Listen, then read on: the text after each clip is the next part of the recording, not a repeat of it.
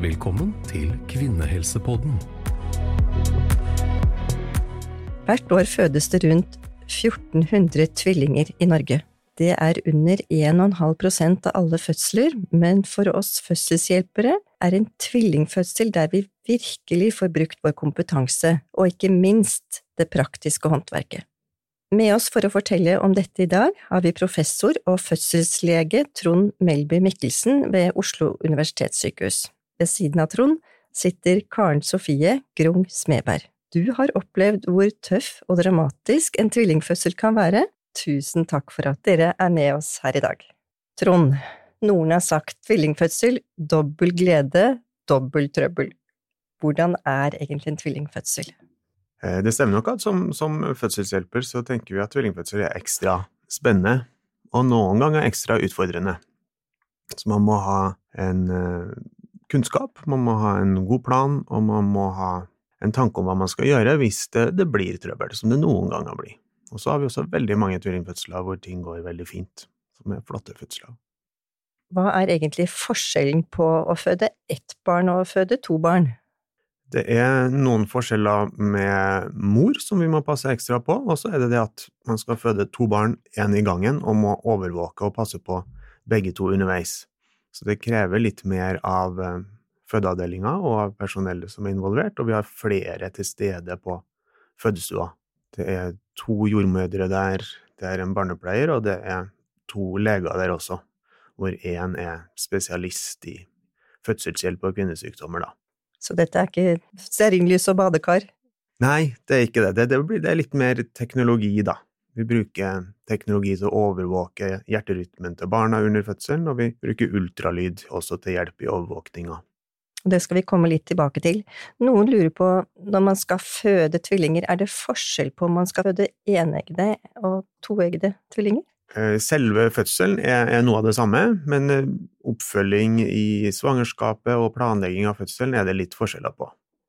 Og akkurat forskjellen på svangerskapet om man har eneggede og toeggede tvillinger, det har vi en egen episode, så det kan dere høre på en annen gang. Når vi planlegger fødsel og når det skal skje og oppfølging og sånn, så, så, skiller vi ikke så mye på enegga og toegga, men vi skiller på om tvillingene deler morkake eller ikke, og da blir håndteringa litt ulik, da om de har hver sin morkake eller deler det. Men så tilbake til dette med fødsel og først igangsetting, for vi setter jo gjerne i gang fødsel når det er kommet til 42 uker, hvis det er ett barn. Eh, hvordan er reglene hvis det er tvillinger, når skal de igangsettes hvis de ikke starter av seg selv? Tvillingsvangerskap varer kortere. Det er jo sånn at eh, når man føder før 37 uker, så sier vi i fødselshjelp at det er definert som for tidlig fødsel. Og hvis man har ett barn i magen, så skjer det i 5% av tilfellene. Hvis man har tvillinger i magen, så føder halvparten for tidlig, vil si før 37 uker. Eh, og for dem som kommer til 37 uker, da, så er det sånn at hvis man deler morkake, de her to tvillingene, så gjør vi igangsetting ved 36 til 37 uker svangerskapslengde. Hvis de har hver sin morkake, så kan svangerskapet vare litt lenger, typisk til 38-39.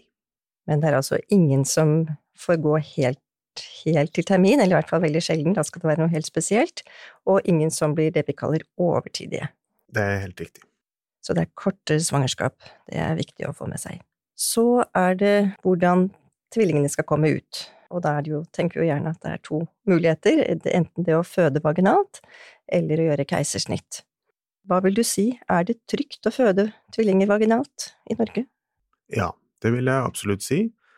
Eh, I de fleste tilfellene så ligger det til rette for vaginal vaginalfødsel, og med det opplegget vi har for, for, overvåkning og gjennomføring av fødselen, så er det trygt. Når det er sagt, så er det litt flere som føder med keisersnitt med tvillinger enn med ett barn i magen. Det handler både om at tvillinger oftere fødes litt for tidlig, og at det oftere er andre leier enn hodereie.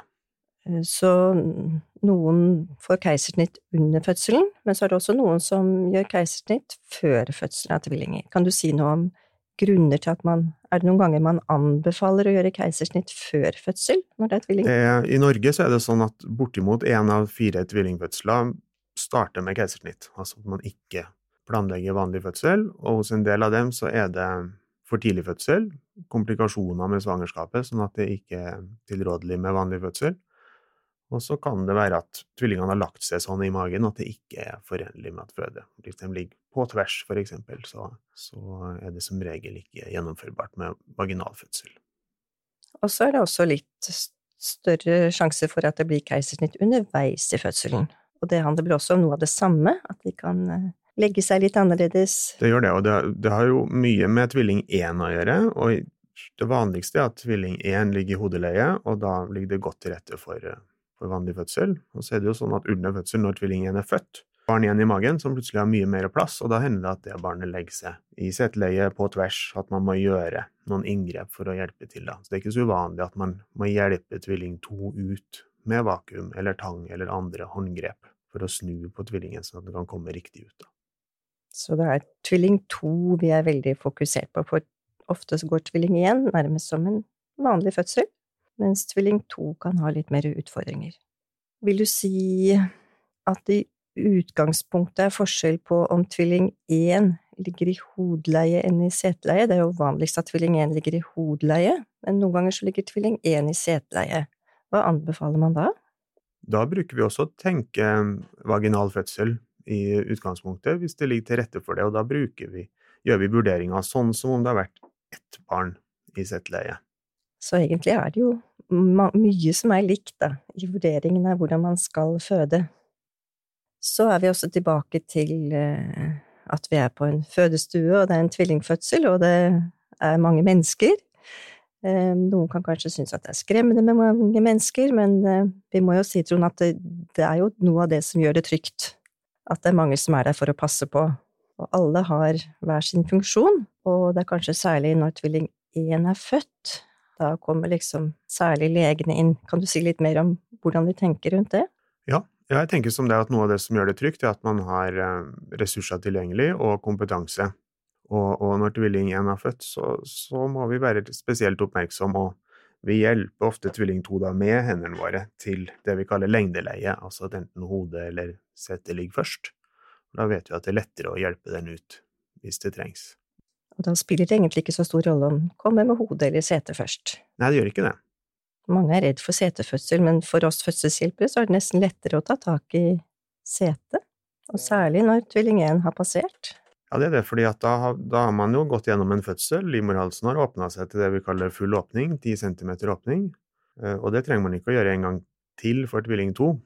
Og når setet ligger først, så er det lettere for fødselshjelpen å hjelpe setet ned, eller få tak i beina til tvilling 2 og hjelpe den ned og ut på den måten. Og så er det noen som lurer på hva slags bedøvelse. Mange vil kanskje slippe bedøvelse, men det er jo mer vanlig å ha epiduralbedøvelse under tvillingfødsel, er det ikke det? Det er vanligere, ja. Vi bruker å si at vi anbefaler epidural i tilfelle man trenger å gjøre noen sånne ekstra håndgrep. Det er ikke et must, men eh, de fleste får det. Og det er nettopp dette at man kanskje trenger litt mer um, Å gjøre litt mer, og da er det godt å ha god smertelindring.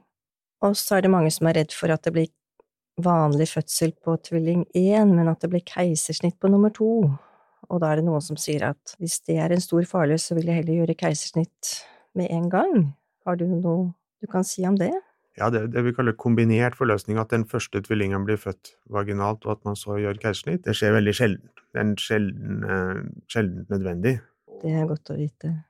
For det er jo ingen som ønsker det, egentlig. Nei. Nei, det er sant. Og tall fra medisinsk fødselsregister viser at det blir færre og færre sånne kombinerte forløsninger. Så det tyder på at fødselshjelperne blir flinkere til å håndtere situasjoner som kan oppstå, sånn at begge tvillingene kan komme vaginalt det er trygt. Og så er én ting keisersnitt, men tang og vakuum, er det vanligere under tvillingfødsel? Vi bruker det oftere ved tvillingfødsel. Ikke minst på, på tvilling 2 så er det en del tilfeller nødvendig for å hjelpe tvilling 2 raskt og trygt ut. Da. I omkring 30% av tvillingfødslene så bruker vi sugekopp eller tang. Og da har vi også her en egen episode om bruk av det vi kaller operativ eh, assistanse, eh, som man kan høre, for det foregår på samme måten som om det er ett barn. Hvor lang tid tar en tvillingfødsel? Er det noen grenser? Når tvilling 1 er kommet, hvor lenge kan man vente da før tvilling 2 skal ut? Det er ikke noen faste grenser på det. Eh, når tvilling 1 er født, så, gjør vi jo de grepene som vi snakker om, og hjelper tvilling 2 til, en, til et mest mulig egna leie, da, og så må man overvåke nøye, for det hender at tvilling 2 blir stressa etter at tvilling 1 er født, at hjertefrekvensen endrer seg, og da må man gjøre ting for å hjelpe den ut. Hvis den har det helt fint, så kan man vente litt til mor får rier igjen. Det vanligste er at det tar 15-20 minutter mellom de to tvillingene. Og så Noen ganger så må man gjøre ting raskere, så det blir et kortere intervall, og noen ganger er ting veldig fredelig, og så kan det gå litt lengre tid, da. Men det er ikke noen sånn helt bestemt grense for når tvilling to må bli født. Nei, men det vanlige er at det kommer eh, kanskje i løpet av en times tid. Det er kanskje det vanligste. Det vil jeg kunne si, og i de fleste tilfellene er det nok enda kortere. Så dette at tvillinger fødes på forskjellige dager, hvis det ikke er akkurat rundt midnatt, det, det er uvanlig i dagens fødselshjelp. Men det har man hørt om fra før. Ja, det er sjelden. Det er uvanlig. Det har, det har jeg vært med på, men da har det vært fordi det har vært fødsel nært midnatt. Eh, jeg vet ikke om vi sa det, men barnelege er alltid til stede i nærheten av en tvillingfødsel. Hva er grunnen til det? Ja, det er det at eh, hele systemet er litt mer oppmerksom på komplikasjoner, ting som kan skje, og at det er, det er viktig for oss å ha barnelegen i nærheten hvis barna kommer ut og trenger litt hjelp til med pusten eller andre ting, at en kan få tilsyn med en gang. Så vi bruker å ha barnelege til stede på fødeavdelinga. Er det vanlig at det blir mer overflyttinger til barneavdelingen når det er tvillingfødsler? Ja, det skjer litt oftere med, med tvillingfødsler. Um, overflytting til nyfødt. Én av åtte tvillinger som blir født, blir overflytta til nyfødtavdeling. De fleste er der bare en kort periode. Ja. Og noen ganger er det jo fordi det er litt for tidlig fødsel, sånn som vi snakket om da. Mm. Så sa du at det var noen utfordringer for barna, men det er også noen utfordringer for mor. Eh, er det noe spesielt man tar eh, hensyn til etter fødselen? Etter fødselen er vi spesielt oppmerksom på det her med blødning. For vi vet at kvinner som har født eh, tvillinger, de har større sjanse til å blø mye etter fødsel. Og vi vet at jo mer vi er på vakt og gjør tiltak for å begrense blødning, jo, jo bedre går det med kvinnene da. Det er jo jordmor som i utgangspunktet har ansvar og leder en tvillingfødsel, og så kommer legene inn da når det er full åpning og man begynner å trykke. Og så er det litt forskjellig. Noen steder så tar jordmor imot tvilling 1, og noen steder er det leger som tar imot begge tvillingfødslene. Det er alltid leger til stede, da. Jordmor passer godt på etter fødselen. Gjør det. Og grunnen til det med blødning, det, det tror man jo er at livmoren har vært ekstra stor og ekstra utspilt med to barn. Og det viktige for å begrense blødning etter fødselen er at livmoren skal trekke seg sammen, livmormuskelen trekke seg sammen og klemme av de her blodårene som har forsynt morkaka i svangerskapet. Det tar litt lengre tid etter en tvillingfødsel. Og hvis vi klarer å være i forkant og hjelpe til med det, da, så begrenser vi blødningen. Det er viktig. Så når fødselen er over og mor er kommet ned på barsel, er det egentlig noe ekstra oppfølging da? Er man som alle andre? Mor eh, trenger og får ekstra oppfølging på barsel, for det, det, er noe annet å skal ta seg av to nyfødte, komme i gang med amming, eh, få til rutiner, sånn at barselpersonellet er oppmerksom på å hjelpe til mer med en tvillingmor som nettopp har født. Da har vi gått gjennom selve fødselen litt, og nå kommer vi over til deg, Karen Sofie. Din fødselshistorie startet jo på en måte litt i, i graviditeten. Kan du si litt om det? Ja. jeg fikk i uke 27 så fikk jeg en blødning, eh, og da dro vi inn på sykehuset, og så um, fant ut at jeg hadde veldig kort livmorhals, og da trodde de at jeg skulle kanskje gå i fødsel, og da ble vi ganske skremte eh, for at det skulle være At det skulle bli veldig premature barn. Men så stabiliserte den livmorhalsen seg eh, i løpet av de tre dagene, og da fikk jeg lov til å reise hjem, og tok det da med ro etter dette her. Eh, og så får man jo mer kontroller når man er tvillinggravid, så jeg var jo oftere inne på sykehuset, og den holdt seg stabil. Så da gikk vi fra uke til uke, og eh, da gikk jeg helt til uke 38, da. Og måtte settes i gang da. Så du fikk lang tid på å forberede fødselen din? Jeg fikk lang tid på å forberede meg, ja. Men så, så ble du satt i gang. Hvordan eh, gikk fødselen da? Kan du si litt om det? Ja, da fikk jeg komme inn dagen før for å eh, sjekke litt eh, hvordan jeg lå an, og da hadde jeg fire centimeter åpning da, så da fikk jeg være over til dagen etter, og vannet ble tatt da. Eh, og da begynte riene ganske um, kraftige Ikke kraftige, de begynte ganske fort etter det. Eh, og så gikk eh, timene, eh, og det var ganske god fremgang da. Da hadde jeg ganske god sånn selvtillit på at dette her, dette kommer til å gå ganske eh, fort fremover. Og så var det jo vondt, så jeg fikk jo epidural før første vaktskifte. Og det var du forberedt på at du Ja, det var jeg forberedt på. Og det var også veldig ønskelig fra min side også, for jeg syntes at det var vondt, men det, det tok jeg som en selvfølge at det skulle jeg få. Mm -hmm. Så kom du da hvordan, hvordan, lå barna dine? Begge to lå i hodeleie. Ja. Så vi var veldig forberedt på at vi kunne få en uh, vaginal fødsel, men jeg var jo også veldig engstelig og redd på hvordan det kunne, skulle utarte seg, da. Mm, ja, og så sånn i 65-30 så stoppet ting helt opp, og da var jeg på rundt 9 centimeter, og da skjedde det ikke mer. Så da fram til ny vakt kom og nattevakten kom, så var det en veldig tøff og tung periode, fordi jeg ble veldig sliten av eh, riene, og det skjedde, det skjedde ingenting. Da. da hadde du rier uten at det ble noe mer åpning? Ja. Mm. Så da eh, jobbet vi hardt og fikk eh, veldig god oppfølging av Det var en student med også, så jordmor og studenten var der hele tiden med meg og samboeren min. Og så ble det da et nytt vaktskifte eh, med jordmor. Um, og da, etter en stund da, så ble det besluttet å ta ut epiduralen, og at jeg skulle få spinalbedøvelse sånn at jeg fikk hvile, eh, for da var jeg veldig sliten. Så var det sikkert også noen andre grunner til at jeg fikk den spinalbedøvelsen. Men da skrudde de av lyset, og jeg tror faktisk at jeg sovnet litt, og vi fikk spist på det, jeg og samboeren min, og hentet eh, energi. Så det var veldig godt. Og så, etter en times tid, tror jeg, så kom det ganske mange folk inn i rommet, og lyset var på, og nå var det på tide at, de, at eh, babyene skulle komme, da. Hadde du begynt å trykke da, eller hadde du Nei. Nei. Da, og så kjente jeg også at den spinalen også Den forsvant jo litt eh, etter hvert, så også, det ble også litt sånn motivasjon til at dette her, her må det bare jobbes på. Eh. Og da var det veldig mye mennesker inne i rommet, men det, det, visste jeg på forhånd, så det gjorde oss egentlig bare mer trygge eh, på hele settingen. Og vi følte oss trygge hele veien også. Det er liksom viktig for meg at, eh, å få fram. Um, og så ville ikke tvilling 1 ut, eh, og da ble det besluttet med vakuum. Og det syns jeg var veldig vondt. Um, men så kom han ut, da, frisk og fin og skrek, og pappaen fikk han eh, rest på brystet, så det var jo så fint. Det er jo fint en tvillingfødsel at det er ofte far som får lov til å holde hånden hos seg. Ja. Um, og da Han var ikke, ikke ute hos barnelege, han kom direkte opp og Han var rett inn, så han var helt eh, Det var alt var i orden med han. Ja, så fint. Og så fikk jeg titte litt på de uh, i noen par minutter før jeg fikk beskjed om at uh, nå skulle det jobbes med tvilling to. Og her var jeg også forberedt på at her risikoen lå, at det var viktig det som skjedde mellom én og to. Mm. Og så tror jeg også jeg fikk litt sånn adrenalinkick av å føde. Og jeg visste jeg skulle føde to barn, så jeg ble veldig sånn åh, dette her var jo eh, helt rått å oppleve, selv om jeg var veldig sliten.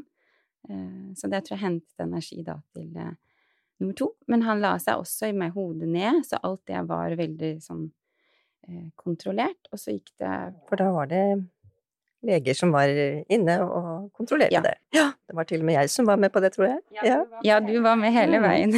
så det var sånn en trygghet at du var på 24-timers vakt, fordi du var til stede hele tiden.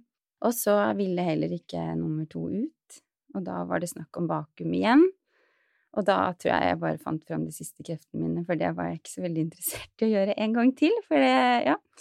Så da kom han ut uten vakuum, eh, og han fikk jeg holde ganske raskt på brystet. Eh, og så ble han sjekket, og alt var i orden med han. Eh, og da var jeg sånn Da var jeg ferdig. Da var jeg så sliten. Og så går det veldig fort, og så hører jeg bare sånn Hun blør, hun blør. Og så kommer det mye mennesker inn i rommet, og da skjer det veldig mye veldig fort, da. Og så setter hun ene legen For da var det akkurat det som, ja. Trond har sagt litt om, at da fikk du en blødning da, Ja. rett etterpå. Så da setter hun legen seg oppå meg, husker jeg, eh, og mm, det er fort ut av rommet. Men da vet jeg også at det har gått bra med tvillingene, så jeg var jo ikke noe redd. Det var så lettelse med det. Og så er det rett på operasjon. Og da husker du ser på meg, Liv, og sa sånn 'Dette går bra'. Og da tenkte jeg bare åh, nå får jeg slippe den smerten. Og da var det veldig deilig å få bli lagt i narkose. Mm. Da fikk du sove. Da fikk jeg sove. Mm. Så fikk vi stoppet den blødningen, heldigvis. Ja. Og da ble pappaen, Ja. Jesper, ble Ja. igjen på fødestua. Hvordan syns han dette var å oppleve noe sånt? Nei, han syntes jo at det var veldig tøft. Eh, også det at fødselen varte så lenge, så han var også ganske sånn sliten. Eh, ikke sammenlignet med den som føder, men det er jo slitsomt å stå på sidelinjen også. Og så ble han jo redd med alt dette blodet og alt som skjedde, som ikke jeg Jeg fikk jo ikke med meg noe av det. Eh, og at han plutselig var alene med to små barn. Eh, så han har sagt at det var først når han fikk se meg dagen, eller morgenen, da, at han skjønte at alt har gått bra, da. Eh, Så det var mye usikkerhet for han de timene også, selv om han visste at operasjonen var ferdig og litt sånn. Men eh, det har vært tøft. Men vi har jo fått snakket med mange etterpå, og snakket veldig åpen. Han og jeg imellom, og vi har delt med alle kjente og kjære. Det har ikke vært noe vi har holdt lokk på, da, men det har vært Og eh, det er veldig viktig, at Mm. man rett og slett bearbeider det, for det er eh, sterke opplevelser. Mm. Så den har sittet dypere i den fødselen sånn lenge etterpå enn det jeg trodde først i starten, da. Så um, Men vi fikk jo snakke med alle legene og jordmødrene som var eh, kom innom oss på barsel, og fikk snakket ut med alle, så det var veldig fint.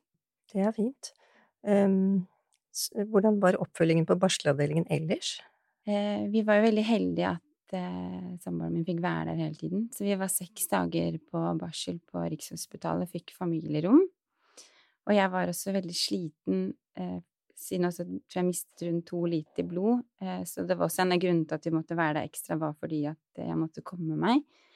Men der fikk vi uvurderlig hjelp, eh, spesielt med amming. Eh, så tror jeg jeg ringte på snoren nesten hver gang jeg skulle amme, for å spørre om hjelp. Og siden han eh, minste av tvillingene akkurat var i grenseland på vekt, så måtte jeg amme hver tredje time.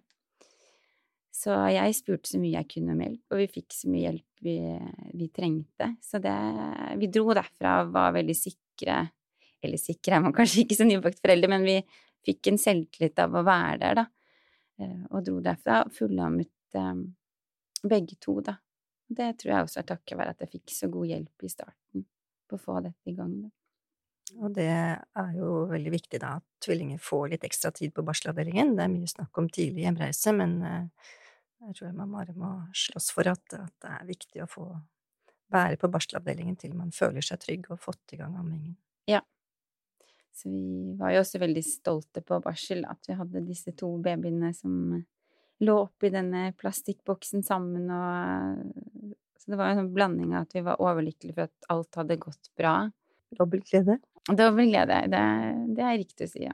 Du hadde jo forberedt deg veldig godt, og hadde hatt også tid til det, siden du var mye sykemeldt. Eh, Syns du at, det, at du fikk hjelp av det? At du visste mye på forhånd? Ja, det syns jeg. Jeg gikk på sånn tvillingforberedende kurs med Tvillingforeningen, eh, hvor jeg da også møtte andre eh, jenter som skulle ha tvillinger. Så der møtte jeg faktisk den lille barselgruppen som vi lagde. Eh, Så vi fulgte hverandre tett både før og etter fødsel og brukte hverandre mye, og også nå mange år etterpå. Og så hadde jeg noen fine prat med legene på sykehuset, og også en veldig ålreit prat med jordmor, hvor hun hun fortalte meg at jeg ikke kunne ha kontroll, så det var jeg klar over, men at jeg var forberedt på at eh, det var mye mennesker i rommet, at jeg kunne få blodoverføring, alle de tingene der. Så når det da faktisk skjedde, så kom det ikke som noen overraskelse at det hadde skjedd, da. Så det var jeg veldig glad for at jeg søkte mye informasjon, men jeg måtte også passe på etter hvert hvor jeg søkte informasjon, fordi det er jo et hav av eh, tips på nett. Ja. Og det er et viktig budskap du kan gi til andre gravide, det å søke denne informasjonen. Så har du fått et barn eh, til etterpå. Kan du si litt om hvordan det var? Eh, det var en helt annen opplevelse. Det var en veldig rask fødsel uten noe smertelindring, eh, og jeg kom meg med en gang etterpå. Også for min egen del og min samboers del, så har det vært godt å oppleve en fin fødsel som har hjulpet oss å komme over den første fødselen sånn helt, da. At det er det jeg sitter med den siste fødselen, den gode opplevelsen der. Men det var nok største forskjellen er jo det med den tiden etterpå også, at um, kroppen min trengte mye lengre tid på å komme seg etter en tvillingfødsel enn med én, da. Siden den siste fødselen gikk så fort og greit, da. Mange ting, du hadde vært mye i ro, og du mistet mye blod, det er jo mange ting Og så var du også førstegangsfødende, som jeg snakket om, at andre fødselen går jo også vanligvis lettere. Mm. Har du noen råd til andre som venter tvillinger? Vi har snakka litt om dette med å få riktig og god informasjon. Er det noe annet du kan eh, Jeg ville jo oppsøkt eh, liksom kurs og snakket med ja, fagfolk, men også jeg gjorde den litt feilen i starten at jeg søkte feil steder og kom over mye sånne litt sånn skremselsting som skremte meg veldig. At jeg måtte liksom jobbe med meg selv for å, for å snu det. Men også fikk jeg mye eh, tilbake med å snakke med andre som hadde tvillinger. Og det er jo kjempegøy å få tvillinger, eh, og liksom ha fokus på det, hvor eh, koselig det er en For det kan fort bli litt sånn negativt av og til. Eh, og folk er jo også veldig nysgjerrige når man For to, man får ofte litt sånn negativt ladet spørsmål, så jeg peilet meg mot, mot der jeg visste det var positive ting, da. Mm. Så fint, for det har jo lett å bli sånn at fødselsopplevelser kan bli dramatiske og kan eh, videreformidles ja. litt feil noen ganger. Ja. Ja. Så det er jo et veldig viktig budskap, å ha fokus på det positive. Har du noe å kommentere historien hennes, Trond? Jeg synes det var en veldig spennende og, og sterk historie, og den, den, beskriver jo flere elementer som vi jobber med og opplever i forbindelse med tvillingsvangerskap. Vi, vi undersøker mange tvillinggravide med spørsmål om for tidlig fødsel, som du opplevde òg. Nå måler vi ikke rutinemessig livmorhalslengde på tvillinggravide lenger, men hvis man har blødning og ting skjer, så, så, gjør vi det, og vi ser at oftere så er det kort livmorhals og behov for ulik oppfølging da. Mm. Og så beskriver jo fødselen også flere elementer om at ting kan skje. Man trenger et, et, godt team og en plan, og når man har det medisinske ansvaret for en tvillingfødsel, så, så må vi ofte tenke et steg framover. Hva hvis sånne og sånne ting skjer? Hva, hvordan løser vi det da? Og noen ganger, ikke ofte, så er det nødvendig å, å, å gå til operasjonsstua, sånn som du opplevde. Og da er det også viktig at fødselslegene og, og fødselsteamet har øvd og drilla på sånne situasjoner. Det, det, gjør vi da. Akutte hendelser i fødsel det er det viktig å ha teamet godt trent for. Og det var Det høres dramatisk ut, men det høres også ut som ting fungerte når det først, først mm, skjedde. Mm. Nå har du eksperten her, Trond her. Er det noe du vil spørre han om? Ja, eller et spørsmål som eh, Folk er jo veldig nysgjerrige på dette med tvillinger, eh, og dette med um, med om prøverør og ikke, eh, får jeg i hvert fall veldig ofte spørsmål om selv, om hvordan eh, Hva man gjør i Norge nå i forhold til eh, når man setter inn egg på prøverør. Ja, ja, det er et veldig godt spørsmål. Og nå, for eh, om lag 20 år siden, så gikk man over til å sette inn ett befrukta egg ved prøverørsbehandling som standardbehandling. Da. Før det så, så, var det vanlig å sette inn to befrukta egg, og da så vi at man fikk flere tvillingsvangerskap mm. eh, av det. Eh, og nå er trenden at andelen tvillingsvangerskap går ned. For ti år siden var det 1000 tvillingsvangerskap og fødsler i Norge. Nå i 2021 var det 700. Så det er en eh, fallende tendens. Og noe av det skylder nok endra praksis med, med, assistert befruktning. Da. Nei, det var bare i forhold til den fødselen jeg hadde, at når man eh, ser de komplikasjonene som skjedde, og, og all den blødningen i ettertid Så gikk jo alt veldig fint, men vil man heller da hatt en, et keisersnitt eh, istedenfor enn at man opplever en sånn komplikasjon etterpå? Jo, det er et veldig godt spørsmål, tenker jeg. Du, tenker da hvis man har gjort et planlagt keisersnitt, kunne man da unngått denne blødningen ja. som du, du opplevde? Um, ja. Og det er ikke sikkert, for det ser vi ved keisersnitt også, at vi ofte kan, eller oftere har store blødninger ved tvillingsvangerskap. At den kan være der enten man føder på vanlig måte eller ved keisersnitt. sånn at det uh, det er ikke en måte å unngå blødning på. Nei. Tvert imot så kan man noen ganger blø mer ved keisersnitt. Svaret er nok at du ville Jeg er ikke garantert å unngå blødningen uansett. Da håper jeg dere er blitt litt klokere om tvillingfødsel.